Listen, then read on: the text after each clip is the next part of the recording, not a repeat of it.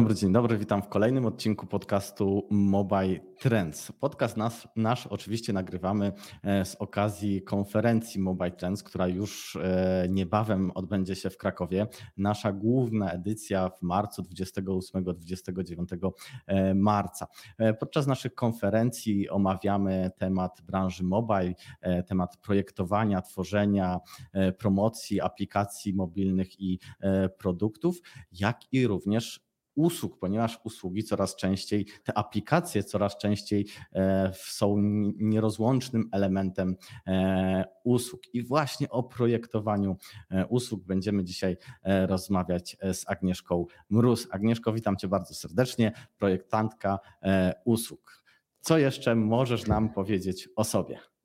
Cześć, dzień dobry. Bardzo mi miło, że będę miała okazję opowiadać trochę o, o projektowaniu usług. E, co mogę sobie powiedzieć? E, mogę powiedzieć to, że od e, ponad 8 lat zajmuję się projektowaniem usług, projektowaniem doświadczeń, więc też miałam okazję obserwować, jakie zmiany zachodziły w tym czasie na rynku.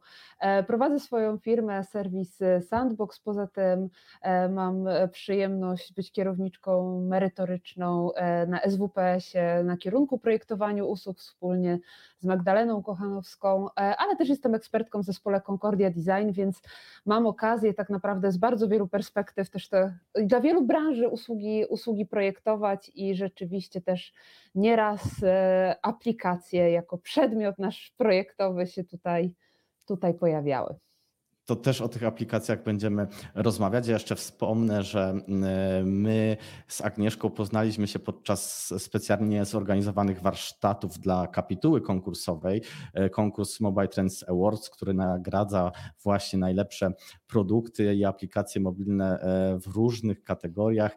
E, I w październiku mieliśmy takie zebranie, spotkanie, warsztaty, które właśnie prowadziła Agnieszka i pracowaliśmy nad tym, jak jeszcze można e, tą w cudzysłowie usługę konkursu Mobile Trends Awards e, usprawnić i ulepszyć, ale pewnie jeszcze do tego tematu e, wrócimy. A oczywiście rozdanie nagród Mobile Trends Awards już po lekkich modyfikacjach, które właśnie wypracowaliśmy na e, warsztatach, odbędzie się podczas naszej konferencji. Zanim przejdziemy jednak do tych omówienia tych warsztatów, pytanie, które zawsze zadaję na początku naszym gościom, czyli jakie są Twoje ulubione aplikacje? Aplikacje mobilne? E, to jest w ogóle bardzo trudne pytanie, bo ja bym rozdzieliła mocno ulubione od tych, które z których najczęściej korzystam, e, ale chyba ulubione mam dwie. E, takie, które uważam, że są świetnie zaprojektowanymi usługami. Jedną to jest aplikacja Freeletics, E, do ćwiczeń. I to jest aplikacja, która mam wrażenie, że rozumie. W sensie, ja bardzo sobie cenię tą aplikację, dlatego że e, to jest aplikacja, która ma po prostu zestawy ćwiczeń i pewnie takich aplikacji jest mnóstwo. E, ja ją obserwuję od iluś lat, widziałam, jak się zmieniała w trakcie pandemii i ma takie drobne rzeczy, które sprawiają, że po prostu chwyciła mnie za serce, czyli na przykład to, że można sobie wybrać opcję, muszę pracować, muszę ćwiczyć, ale musi być cicho żadnych podskoków, żadnych tego typu rzeczy. Mam mało miejsca, więc widać, że rozumie tych użytkowników, którzy nie zawsze mają e, dedykowane pomieszczenie, więc to jest jakby jedna, e, jedna z aplikacji, a druga aplikacja e, to polska aplikacja, którą uważam, że jest przepiękną aplikacją, która fantastycznie buduje doświadczenie, którą uwielbiam za jej wartość też edukacyjną, to jest aplikacja po melodii.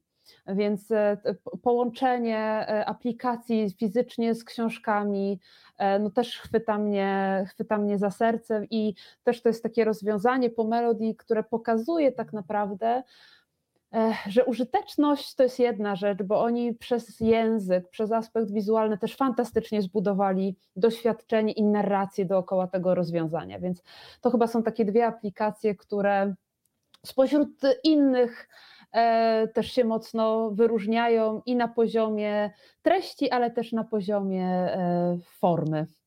E, I ja powiem może też to, że to są takie aplikacje, gdzie naprawdę z przyjemnością za nie płacę i to chyba też jest taki wyznacznik tego, że jak płacę i mam jeszcze, się cieszę, że mogę wspierać jakiś wartościowy projekt, to jest dla mnie też taki wyznacznik, że to jest kawał dobrej roboty przez kogoś zrobiony. No tak, aplikacja Pomelody e, nominowana podczas ostatniej edycji właśnie konkursu Mobile Trends e, Awards i faktycznie e, warta uwagi. To były Twoje ulubione aplikacje, a jakieś ulubione usługi, bo jeśli mamy hmm. mówić o usługach, to może w takim razie zapytajmy też o usługi. Dobra, to jedna będzie znowu dzieciowa, druga niedzieciowa. E, jeśli chodzi o tak, jak jesteśmy po melodii, czyli temat dzieci, to e, w usługach, jeśli chodzi o, o dzieci, to y, jest taka fantastyczna usługa Figlisto. To jest usługa, która znowu jest fantastyczna, bo odpowiada na realne potrzeby. E, to jest wypożyczalnia zabawek. To jest wypożyczalnia, gdzie można regularnie dostawać e, zabawki e, dla dzieci dopasowane do wieku. I często to są zabawki wyższej jakości, takie, na które jeżeli sami mielibyśmy je kupować, no to jednak boli serce, kiedy trzeba e, kilkaset złotych wydać, a dziecko po dwóch tygodniach już nie jest zainteresowane, nie mówiąc jakby o, o samym generowaniu śmieci, śmieci przyszłych więc e, e, zabawkowych, które, które szybko tracą często żywotność. I to jest usługa, która ujmuje mnie jakby sama koncepcja, ale też sposób wykonania, to, że otrzymując takie pudełko, tam jest cała historia, u kogo, u jakich dzieci już te zabawki były to, że twórcy tego rozwiązania cały czas pytają e, swoich odbiorców, e, czego chcą, czego potrzebują, e, rozwiewają ich wątpliwości, na przykład związane z higieną zabawek, więc odpowiadają na te wszystkie potrzeby, które gdzieś opiekunowie mają. Więc to będzie pierwsza, pierwsza aplikacja. A druga, ja myślę, że to jest taka usługa, która jest dosyć oczywi znaczy oczywista, to jest w ogóle hotelarska usługa. E, ja bardzo dużo podróżowałam przed pandemią. Bywały miesiące, że byłam dwa, trzy dni w domu, a tak cały czas byłam w rozjazdach i gdzieś takim miejscem, które naprawdę pokochałam, e, to jest Puro, sieć hoteli Puro. E, I pewnie jest mnóstwo innych hoteli, które jeśli chodzi o wystrój, standard, są podobne. To, czy oni mnie ujmują, to są drobiazgi, czyli znowu takie wyjście naprzeciw oczekiwaniom. E, to, że e, mogę sobie zmienić poduszkę na miękką bądź twardą, jeżeli będę mieć taką e, potrzebę. To, że mam jakiś zestaw podręczny w łazience, więc to są takie drobne rzeczy. To, że mogę iść na zajęcia jogi rano. To są takie rzeczy, które sprawiają, że buduje się doświadczenie, czyli że to nie jest tylko usługa noclegowa, ale znowu wychodzimy do, do doświadczenia. Czyli chyba... prosta, prosta właśnie usługa e, noclegowa, e, dzięki temu, że prawdopodobnie została dobrze przemyślana i zaprojektowana, e, to dzisiaj o niej mówimy. No to dobrze, to w takim razie, jak możesz nam powiedzieć, czym dla Ciebie jest projektowanie usług? Okej, okay. to ja może zacznę od czegoś takiego, że fantastyczne usługi jakby powstawały zanim w ogóle zaczęło się, zaczęto mówić o projektowaniu usług. To nie jest tak, że bez tego procesu nie powstają świetne usługi. I ciężko mi nawet powiedzieć, ile usług, które, które wymieniłam teraz, one w ogóle korzystały z tego procesu albo nie korzystały z tego procesu. E, więc, e, więc jakby świetne usługi istniały i bez tego, i powstają i bez tego procesu. Projektowanie usług jest zaś pewnym procesem, który nakłada nam pewne schematy, ramy na, na to, jak tworzymy ofertę. Czyli jest to e, uporządkowany proces tworzenia mądrej oferty. Co to znaczy mądrej oferty? To znaczy takiej oferty, która z jednej strony będzie odpowiadała na potrzeby odbiorców, odbiorczyń, ale która z drugiej strony pozwoli nam też realizować nasze cele biznesowe, statutowe w przypadku organizacji na przykład pozarządowych. E, I to nie jest tak, że ten proces projektowania usług, on jest gwarantem sukcesu. Ale ten proces projektowania usług sprawia, że jeżeli idziemy w złym kierunku, to szybciej gdzieś wychwycimy to, że idziemy nie w tą ani inną stronę. E, więc, e, więc dla mnie jest to kreatywny proces tworzenia oferty, często oferty innowacyjnej, którym e, właśnie e, w taki uporządkowany, uporządkowany proces. I teraz, co to znaczy uporządkowany proces? E, to znaczy, że to jest proces, który zaczyna się od, od odkrywania. Odkrywania zarówno potrzeb naszych odbiorców, tych, do kogo kierujemy ofertę, odkrywania naszych celów biznesowych, ale też odkrywania kontekstu, w jakim będziemy realizować nasze działanie kolejnym etapem tego procesu jest podjęcie decyzji, do kogo. Tutaj jest, e, często jest takie przekonanie, że nasze rozwiązanie jest do wszystkich i być może tak jest, ja tego nie neguję, ale od kogoś trzeba zacząć. Więc również w tym procesie projektowym często musimy już podejmować pewne decyzje, zastanowić się, do kogo w pierwszej kolejności chcemy naszą ofertę skierować jakie problemy danej osoby, danej grupy, przepraszam, chcemy, chcemy rozwiązać. Więc to jest taki kolejny etap definiowania pewnych rzeczy i definiujemy wtedy właśnie to, to wyzwanie projektowe, a potem przechodzimy do, do szukania rozwiązań i następnie do ich prototypowania i testowania. Więc tutaj również dajemy sobie taką przestrzeń na ciągłe eksperymentowanie. I e, ja może tak od razu powiem, że mi się wydaje, że w ogóle ten proces jest bardzo intuicyjny i bardzo naturalny, że to się wydaje takie super logiczne, że musimy poznać kontekst, otoczenie, żeby zastanowić się, gdzie są jakieś luki, później dajemy sobie szansę na szukanie, szukanie rozwiązań, więc on według mnie jest e, dla wielu osób bardzo naturalny i wtedy poznanie tego procesu tak naprawdę to poznanie pewnych narzędzi, które mogą nas w tej pracy, e, pracy wspierać. E, I to, co jest charakterystyczne dla tego procesu, to to, że jest to proces iteracyjny, e, czyli taki, w którym nie idziemy ślepo do przodu, ale kiedy jest taka potrzeba, to robimy krok do tyłu, zdobywamy dodatkowe informacje, wracamy do pewnych wątków. E, I też to, co jest niezwykle ważne, to to, że często projektowanie kojarzy się z tym elementem kreatywnym, czyli tylko z takim elementem tworzenia, wymyślania rozwiązań. Tutaj bardzo duży nacisk jest e, położony na e, analizę, na zrozumienie kontekstu, w którym funkcjonujemy. E, I naprawdę często to jest większa część procesu, bo musimy dobrze zrozumieć problem, który chcemy rozwiązać, żeby uniknąć mhm. takiej sytuacji. Ja w ogóle, może tak, a propos aplikacji jeszcze, tak nawiążę. Ja dużo startupów wspierałam i, e, I tam właśnie często było tak, że ktoś miał aplikację, która rozwiązywała jakiś problem. Tylko jak przychodziło co do czego, okazywało się, że nikt tego problemu nie ma. Więc w tym procesie dbamy o to, żeby rozwiązać jakiś realny, rzeczywisty problem, a nie tylko tworzyć kolejne rzeczy, które nie będą nikomu potrzebne. Mhm. To mm, zadam teraz takie pytanie.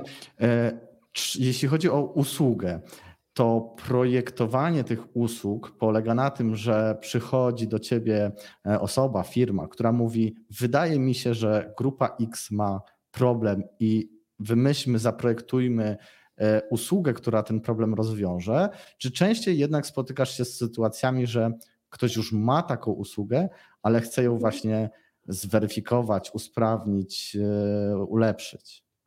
Początki działań są bardzo, bardzo różne. W sensie e, często jest tak, że usprawniamy usługę. To, jest jeden scenariusz, że ktoś już wprowadził coś na rynek i albo z jakichś względów to już nie, jakby nie działa, albo przestało działać, bo na przykład zmieniło się otoczenie, w którym funkcjonujemy e, i pewne założenia przestały e, już być właściwe, więc to jest jakby jeden scenariusz. A drugi scenariusz jest taki, że ktoś przychodzi i mówi: trafiamy tylko do seniorów a my chcemy trafić do osób 30-50 w takim wieku, albo chcemy trafić do młodzieży. Więc przychodzą z jakimś wyzwaniem. E, więc te początki są bardzo, e, bardzo różne. Jak ktoś przychodzi już z jasno zdefiniowanym problemem, i mówi, chcemy rozwiązać problem XYZ danej grupy, to ja zawsze się pytam, skąd wie, że ta grupa ma ten problem. E, bo niestety często spotykam się z sytuacją, że ktoś chce rozwiązywać problem, bo wydaje mu się, że ta grupa ten problem ma, a nie ma poparcia na to, jakby nie, nawet nie skonfrontował tego z tą grupą. Więc tutaj e, moja czujność jest zawsze mocno wyostrzona, jeżeli ktoś już przychodzi z jasno określonym problemem. Częściej no to właśnie to, to mhm. zatrzymajmy się tutaj, przepraszam, Dobra. że ci przerwę, ale to z, jak, z jakimi problemami firmy najczęściej do Ciebie przychodzą? E, z tym, że na przykład chcą trafić do jakiejś grupy, że chcą pozyskać jakąś grupę odbiorców, która jest dla nich atrakcyjna. E, albo chcą, żeby e, ktoś częściej korzystał z ich rozwiązania. Albo widzą na przykład, że w którymś momencie procesu odpada, jakby ludzie przestają korzystać, uciekają z, z ich usługi, więc też chcą zrozumieć, dlaczego i chcą to zmienić. E, czasem chcą poprawi, e, zyskać przewagę konkurencyjną, e, czyli widzą, że mocno zachodzą istotne zmiany na rynku, no i zastanawiają się, co my możemy zrobić, żeby ten rynek trochę wyprzedzić. Czasem chcą odpowiedzieć na to, jak zmieniło się otoczenie, czyli dopasować się do zmieniających się trendów. E, czasem chcą wzbogacić swoje portfolio, czyli na przykład zdywersyfikować swoje usługi, zacząć zarabiać na jakichś innych rzeczach też niż do tej pory. E, ale też, i to myślę jest coś, co jest mniej oczywiste, że projektowanie usług to nie jest tylko projektowanie dla tych klientów końcowych, tych, którzy płacą. Projektowanie usług, ten proces można wykorzystać też projektując usługi wewnątrz organizacji. Ja nieraz wykorzystywałam ten proces e, właśnie chociażby projektując proces onboardingu, bo onboarding też jest pewną usługą, którą firma świadczy na rzecz kandydatów e, bądź nowych pracowników. Procesy rekrutacji to też są pewne usługi, więc również to usprawnianie procesów wewnętrznych to podejście również może zostać do tego wykorzystane. I chyba ja w ogóle mam takie doświadczenie, że dużo akurat w firmach IT pracowałam z tym, bo w tym momencie, kiedy jednak pozyskanie pracowników e, jest bardzo, e, bardzo trudne często, pozyskanie ekspertów, ekspertek, na przykład miałam kiedyś takie wyzwanie związane z tym, jak zaprojektować proces rekrutacji, żeby sam proces był wartością dla osób, które w nim uczestniczą, nawet jeżeli nie przejdą go. Więc e, tutaj te wyzwania są, są bardzo różne, dotyczące albo klientów końcowych, albo tutaj też jakichś działań wewnątrz organizacji. Mhm. A jakaś najdziwniejsza usługa, którą miałaś okazję projektować, albo proces? E, nie wiem, czy y, ciężko powiedzieć o, o najdziwniejszych, jakby, bo mi się może wydawać to dziwne. E, znaczy inaczej, ja powiem może o wyzwaniach. Ja projektowałam na przykład y, usługi, które związane były z różnymi rzeczami y, budowniczy, z, z budowlanką związaną. To była dla mnie zupełnie nowa branża i jakby wejście w ten temat było dla mnie wyzwaniem.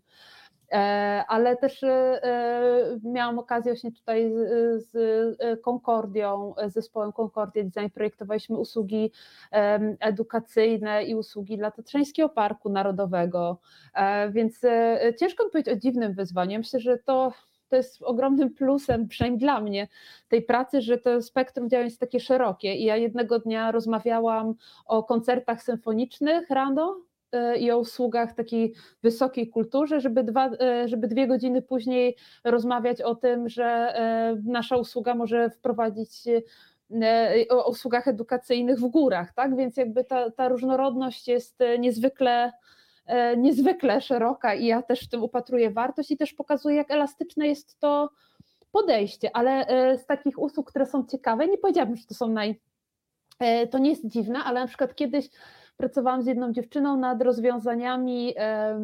Zresztą to miało być e, różne, chyba to miała być aplikacja e, wspierająca pielęgnację e, kręconych włosów na przykład.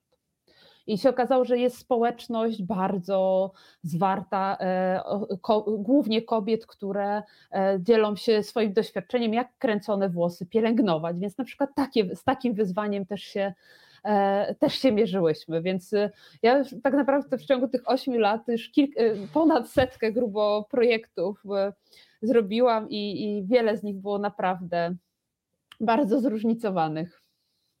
No to jest ciekawe, kiedy wspomniałaś o tej branży budowlanej, zacząłem się zastanawiać, jak bardzo taka osoba, która zajmuje się projektowaniem usług, musi poznać daną branżę, jej specyfikę, mhm. produkt, e, usługę, nie wiem, materiały, z których e, się wykonuje w cudzysłowie na przykład dom, e, mhm. czy jakieś procesy, które zachodzą podczas tej usługi. To taki proces projektowania, ulepszania usługi wydaje się być bardzo ciężki, skomplikowany i czasochłonny. To może tak. E, generalnie to też e, oczywiście musimy poznać temat. Jak pracuje się już w jakimś temacie, na przykład bardzo dużo pracuję w usługach bankowych, ubezpieczeniowych, no to wiadomo, że łatwiej mi nawet zrozumieć, co do mnie mówi klient, tak? jakich używa sformułowań, jakby i, jest to łatwiejsze. Jeżeli wchodzi się w nową, i teraz y, myślę, że tutaj warto też zrozumieć rolę projektanta, projektantki. E, my nie pracujemy sami. Bardzo często, szczególnie w takich nowych tematach, tworzymy zespół ze z klientem. Czyli ta wiedza ekspercka w dużej mierze ona jest też u klienta. To nie jest tak, że ja sobie wymyślę tą nową usługę. Ja muszę zrozumieć branżę, muszę zrozumieć specyfikę. Więc jak na przykład e, projektowaliśmy jakieś usługi dla szpitala, no to spędzałam dzień na recepcji, siedziałam z paniami z recepcji, patrzyłam jak to wygląda. E, siedziałam e, na korytarzach, patrzyłam co ludzie robią, więc jakby wchodzimy w ten temat. Ale wiadomo, że ja nie jestem w stanie nagle mieć eksperckiej wiedzy z tych wszystkich obszarów. Więc tutaj ja jestem ekspertką od procesu. Moim zadaniem jest przeprowadzenie tego zespołu, wyciągnięcie wniosków, zadanie im często trudnych pytań, ale ja nie będę ekspertką teraz od materiałów i od tym, jak po takim projekcie ja nie zbuduję domu, ale będę w stanie zrozumieć też tą, tą branżę, więc to jest taka współpraca ścisła też e, z klientem, tak żeby, e, żeby on nas też przez to przeprowadzał. I teraz z jednej strony oczywiście ogromną wartość widzę w takiej pracy w jednym obszarze i są projektanci, którzy specjalizują się w jakimś obszarze i to jest ogromna wartość, myślę, E, tak, e, bycie w jednej dziedzinie. E, ja to pewnie wynika jakby też z moich preferencji, ale widzę, że lubię pracować w różnych tematach, ale ja bardzo widzę też wartość w tym. W sensie widzę taką wartość przenoszenia doświadczeń z jednego tematu na inny. Że nie wiem, projektując projektując usługę w szpitalu, nagle się okazało, że mogliśmy w ogóle jakieś inspiracje były w ogóle z branży transportowej, tak? Mogliśmy coś przeciągnąć. Więc takie łączenie tych punktów, przenoszenie tych doświadczeń też mi się wydaje pewną wartością, żeby nie kręcić się też w kółko. Więc e, myślę, że to też od takich indywidualnych cech różnie projektanci, projektantki pracują. To jest akurat taki model, który ja wybrałam, który jest dla mnie satysfakcjonujący. To, to prawda, że jakby czerpanie inspiracji z innych branż i wdrażanie tego e, u nas jest bardzo e, ciekawe i wartościowe, ale co w sytuacji, jak wspomniałeś, że na przykład e, pracujesz, współpracujesz z kilkoma firmami z tej samej branży, mm. czy przy takim projektowaniu usług te schematy już się nie powtarzają i jakby mm, nie chcę określić, że jakby narzucasz e, pewne mhm. elementy tej usługi, które już jakby występowały w innych e, firmach, ale czy właśnie nie masz takiego wrażenia, że jest już ciężej coś nowego wymyśleć wtedy przy takiej mhm. usłudze, kiedy ona jest jakby powtarzana w wielu firmach? Mm, to tak, może taki, to jedna rzecz taka techniczno-etyczna.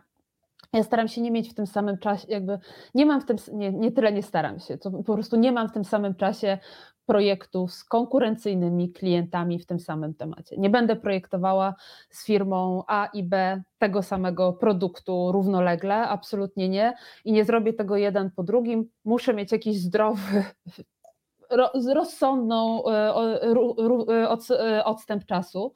To jest jedna rzecz i to nawet nie musi wynikać z jakichś umów z tymi firmami, co po prostu właśnie z takiej higieny pracy że nawet mimochodem obawiałabym się, że coś tam się przeniesie, więc jakby nie dopuszczam. Trzeba ten takich... umysł wyczyścić, e, więc rozumiem tak, później. Więc nie, nie dopuszczam jakby do, do takich sytuacji, że, żeby równolegle pracować z klientami z tej samej branży nad tym samym.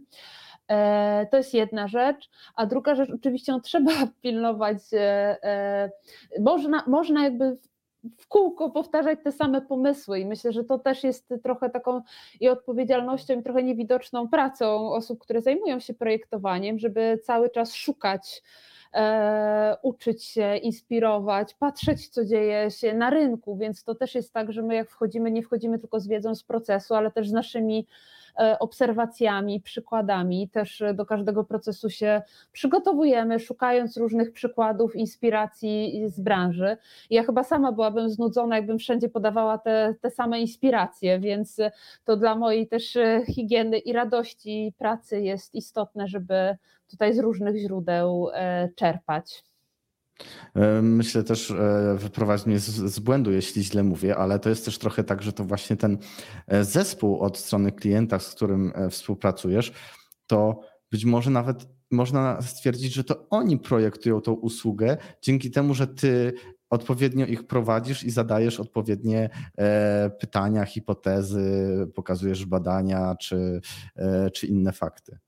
Tak, absolutnie. Jeżeli pracujemy w takim modelu, że pracujemy z zespołem klienta, to jak najbardziej uważam, że to są twórcy y, y, tego rozwiązania i, i to autorstwo, nie, to autorstwo, czy to jest taki współzbiorowy twór. Zresztą ten proces kreatywny, taki y, proces, to jest proces wzajemnego inspirowania się, nadbudowywania, więc, więc jak najbardziej tak. Czasami pracuje się w takim modelu, że ten klient jest bardziej z boku i wtedy też to nie jest tak, że ja sobie siadam sama przy biurku i wymyślam, tylko wtedy też tworzę jakiś zespół ekspercki, który rozwiązuje ten problem. Więc to jest y, projektowanie usług jest współtworzeniem, w sensie ono jest współtworzeniem czy właśnie z zespołem klienta, czy z zespołem, który się buduje.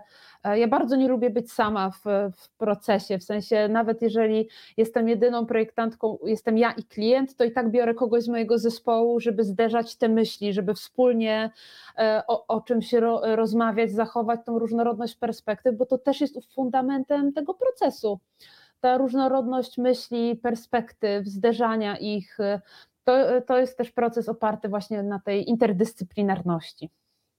A z jakich narzędzi korzystacie podczas takiego procesu? Jakieś burze mózgów? Czy bardziej to e, online'owo, internetowo się dzieje? Czy jednak te spotkania na żywo, e, warsztaty? Ja e, wspominam nasze warsztaty w Warszawie i jakoś ciężko mi sobie wyobrazić to działanie na żywo, ale może właśnie, przepraszam, nie na żywo, tylko online, ale online. właśnie może online'owo jest lepiej, bo nie wiem, każdy ma swoją jakąś tablicę na Miro czy gdzie indziej i, i może tam swoje pomysły mhm. E, dodawać. Jak to z twojej, z twojej perspektywy e, To tak, przed pandemią absolutnie nikt sobie nie wyobrażał, że jesteśmy w stanie pracować online. Absolutnie nikt. Nawet na godzinne spotkanie jechało się przez pół Polski, żeby się spotkać fizycznie w sali i wypić wspólnie kawę. E, ja nie, jakby mam dobre doświadczenie takie i takie. Nie uważam, że któryś z tych modeli jest lepszy. To zależy od organizacji. Są firmy, z którymi nie wyobrażam sobie pracować online, bo wiem, że osoby, z którymi miałabym tam pracować, one by się źle czuły. To byłaby bariera technologiczna, która sprawiałaby, że mają duży dyskomfort. Z drugiej strony są firmy, które i tak pracują w rozproszony sposób i dla nich to jest naturalne środowisko pracy. Mamy w tej chwili rozwiązania, e, właśnie wspomniane Miro czy aplikacja Mural, to jest początek pewnie listy które pozwalają nam zachować taki interaktywny, warsztatowy charakter spotkania. Bo myślę, że to jest dla mnie ważne, żeby te spotkania, one nie mają być przegadane. To mają być spotkania, w których właśnie z wykorzystaniem różnych narzędzi e, zastanawiamy się nad różnymi aspektami, w którym każdy ma tą przestrzeń do podzielenia się swoją perspektywą. E, więc to jest na pewno taka e, istotna rzecz. Ja lubię pracować też hybrydowo, czyli nawet tak jak na naszych warsztatach, gdzie spotkaliśmy się fizycznie w sali, ale e, nie wyklejaliśmy karteczek e, e, papierowych, tylko pracowaliśmy od razu na Miro, co, dzięki czemu mieliśmy bardziej, mam wrażenie, uporządkowany materiał. Te myśli były bardziej precyzyjnie zapisane niż gdybyśmy pisali flamastrami na karteczkach. Więc tutaj nie ma jednego schematu i to jest, wchodzimy w taki kolejny ważny rzecz, że to, ten proces to on nie jest taki od linijki. Go, nie, go się dopasowuje, ten proces dopasowujemy zarówno do celu, jaki chcemy osiągnąć, tak, tego biznesowego, ale dopasowujemy też do tych, z którymi chcemy e, pracować, z którymi pracujemy. Więc e, również tutaj kultura organizacyjna, kompetencje osób, z którymi pracujemy, mają wpływ na to, czy możliwości takie techniczno-organizacyjne mają wpływ na to, jak pracujemy.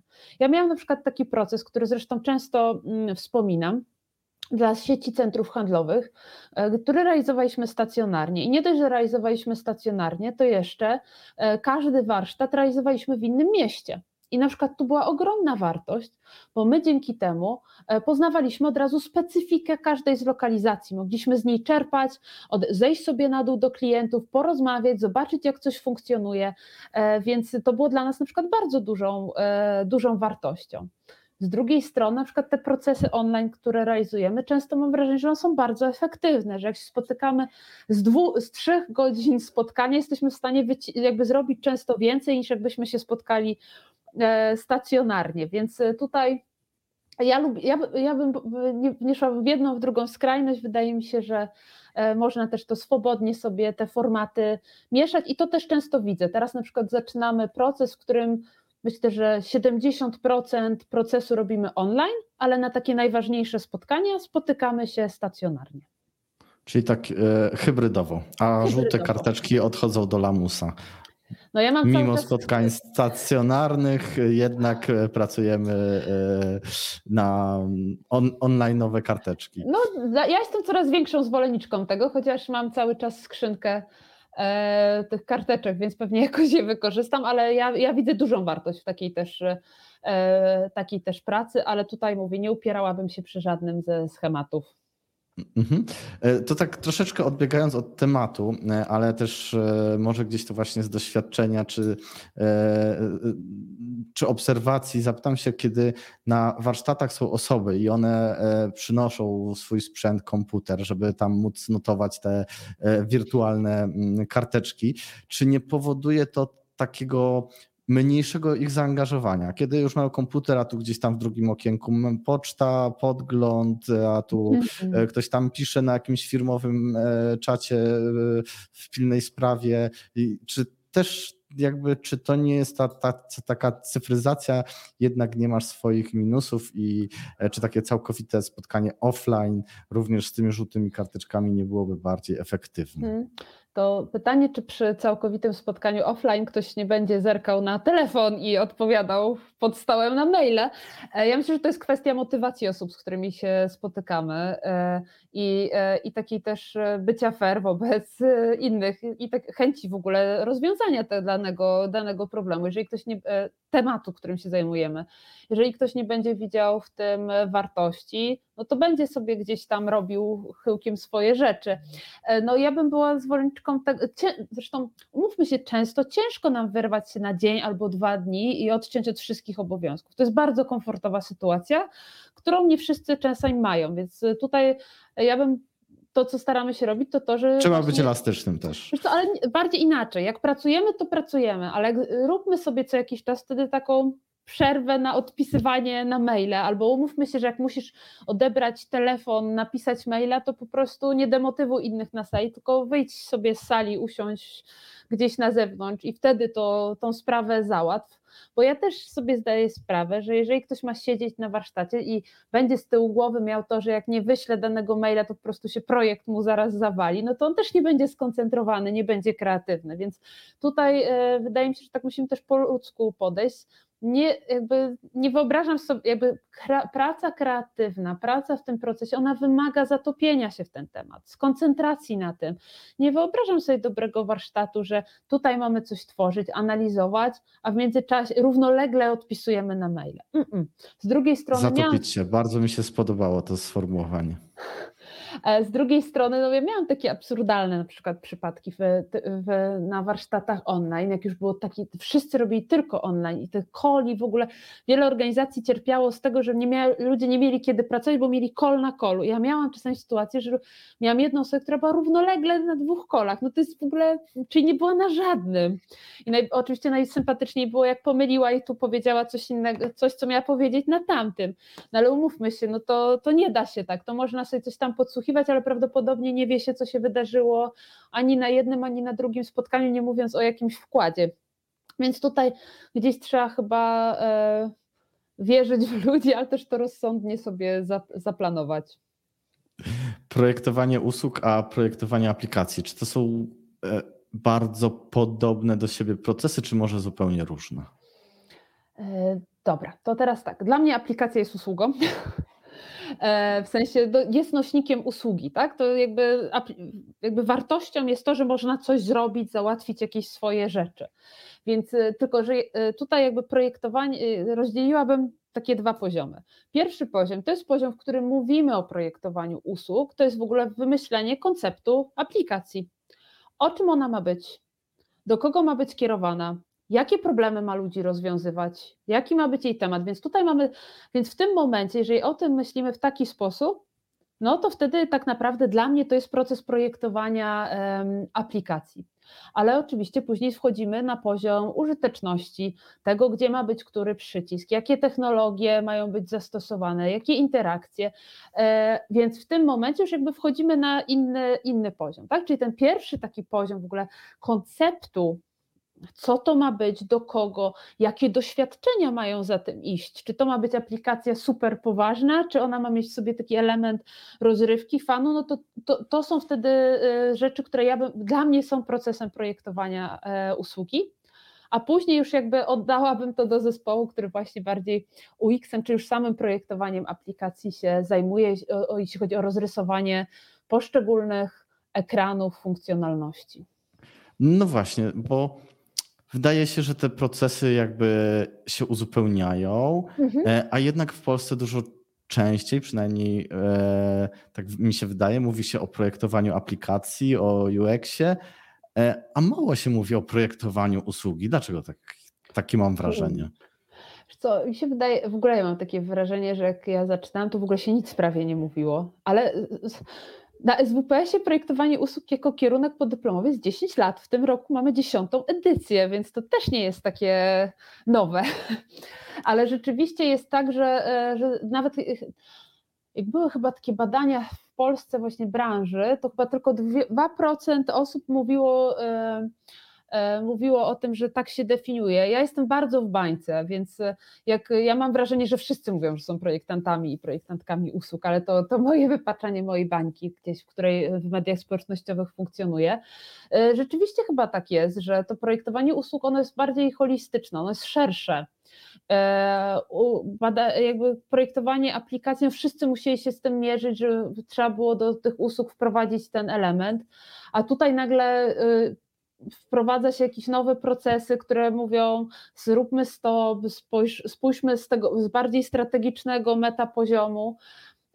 Ale często mam wrażenie, że to z jednej strony jest tak, że mówimy częściej o projektowaniu aplikacji, z drugiej strony często osoby, które gdzieś mają na wizytówce, że mają pozycję UX, zajmują się też tym serwis designem, projektowaniem usług, więc no ta nasza branża cały czas się rozwija przenika. i przenika, rozwija i mam wrażenie, że też jest trochę takiego chaosu w tym, jak nazywamy swoje stanowiska. Trochę wymyślamy się od nowa. Tymczasem na przykład, jeżeli to kogoś zainteresuje, dla mnie to na przykład jest bardzo ciekawe, że na stronie, e, stronach rządowych Wielkiej Brytanii to są w ogóle wystandaryzowane zawody i można sobie zobaczyć, jakie kompetencje powinien mieć junior service designer, mid service designer, senior service designer, jakie kompetencje na danych stanowiskach, umiejętności są pożądane. U nas to jest wszystko bardzo płynne i czasami, nie wiem, ktoś ma pół roku doświadczenia i jest serwis, e, seniorem, tak?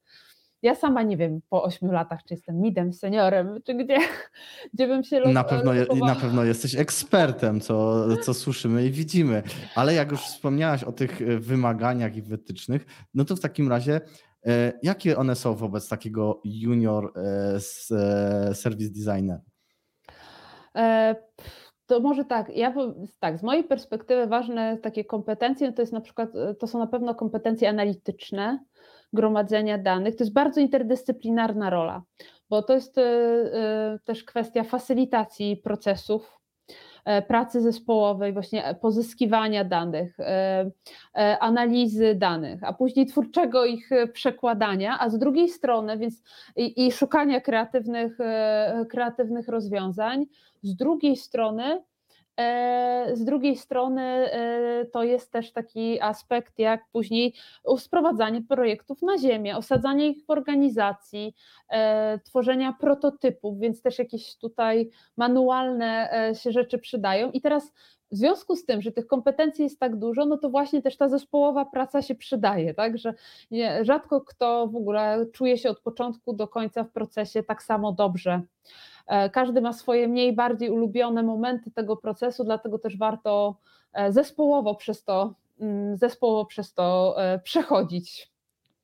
Rozumiem, ale to jeśli mielibyśmy tak podsumować i powiedzieć taką jedną rzecz, którą ktoś po dzisiejszej rozmowie stwierdza, to może być kierunek, w którym chciałbym się mhm. rozwijać i chciałbym iść, to od czego powinien zacząć? W jakiej e, tej, tej dziedzinie mhm. powinien e, e, szukać informacji?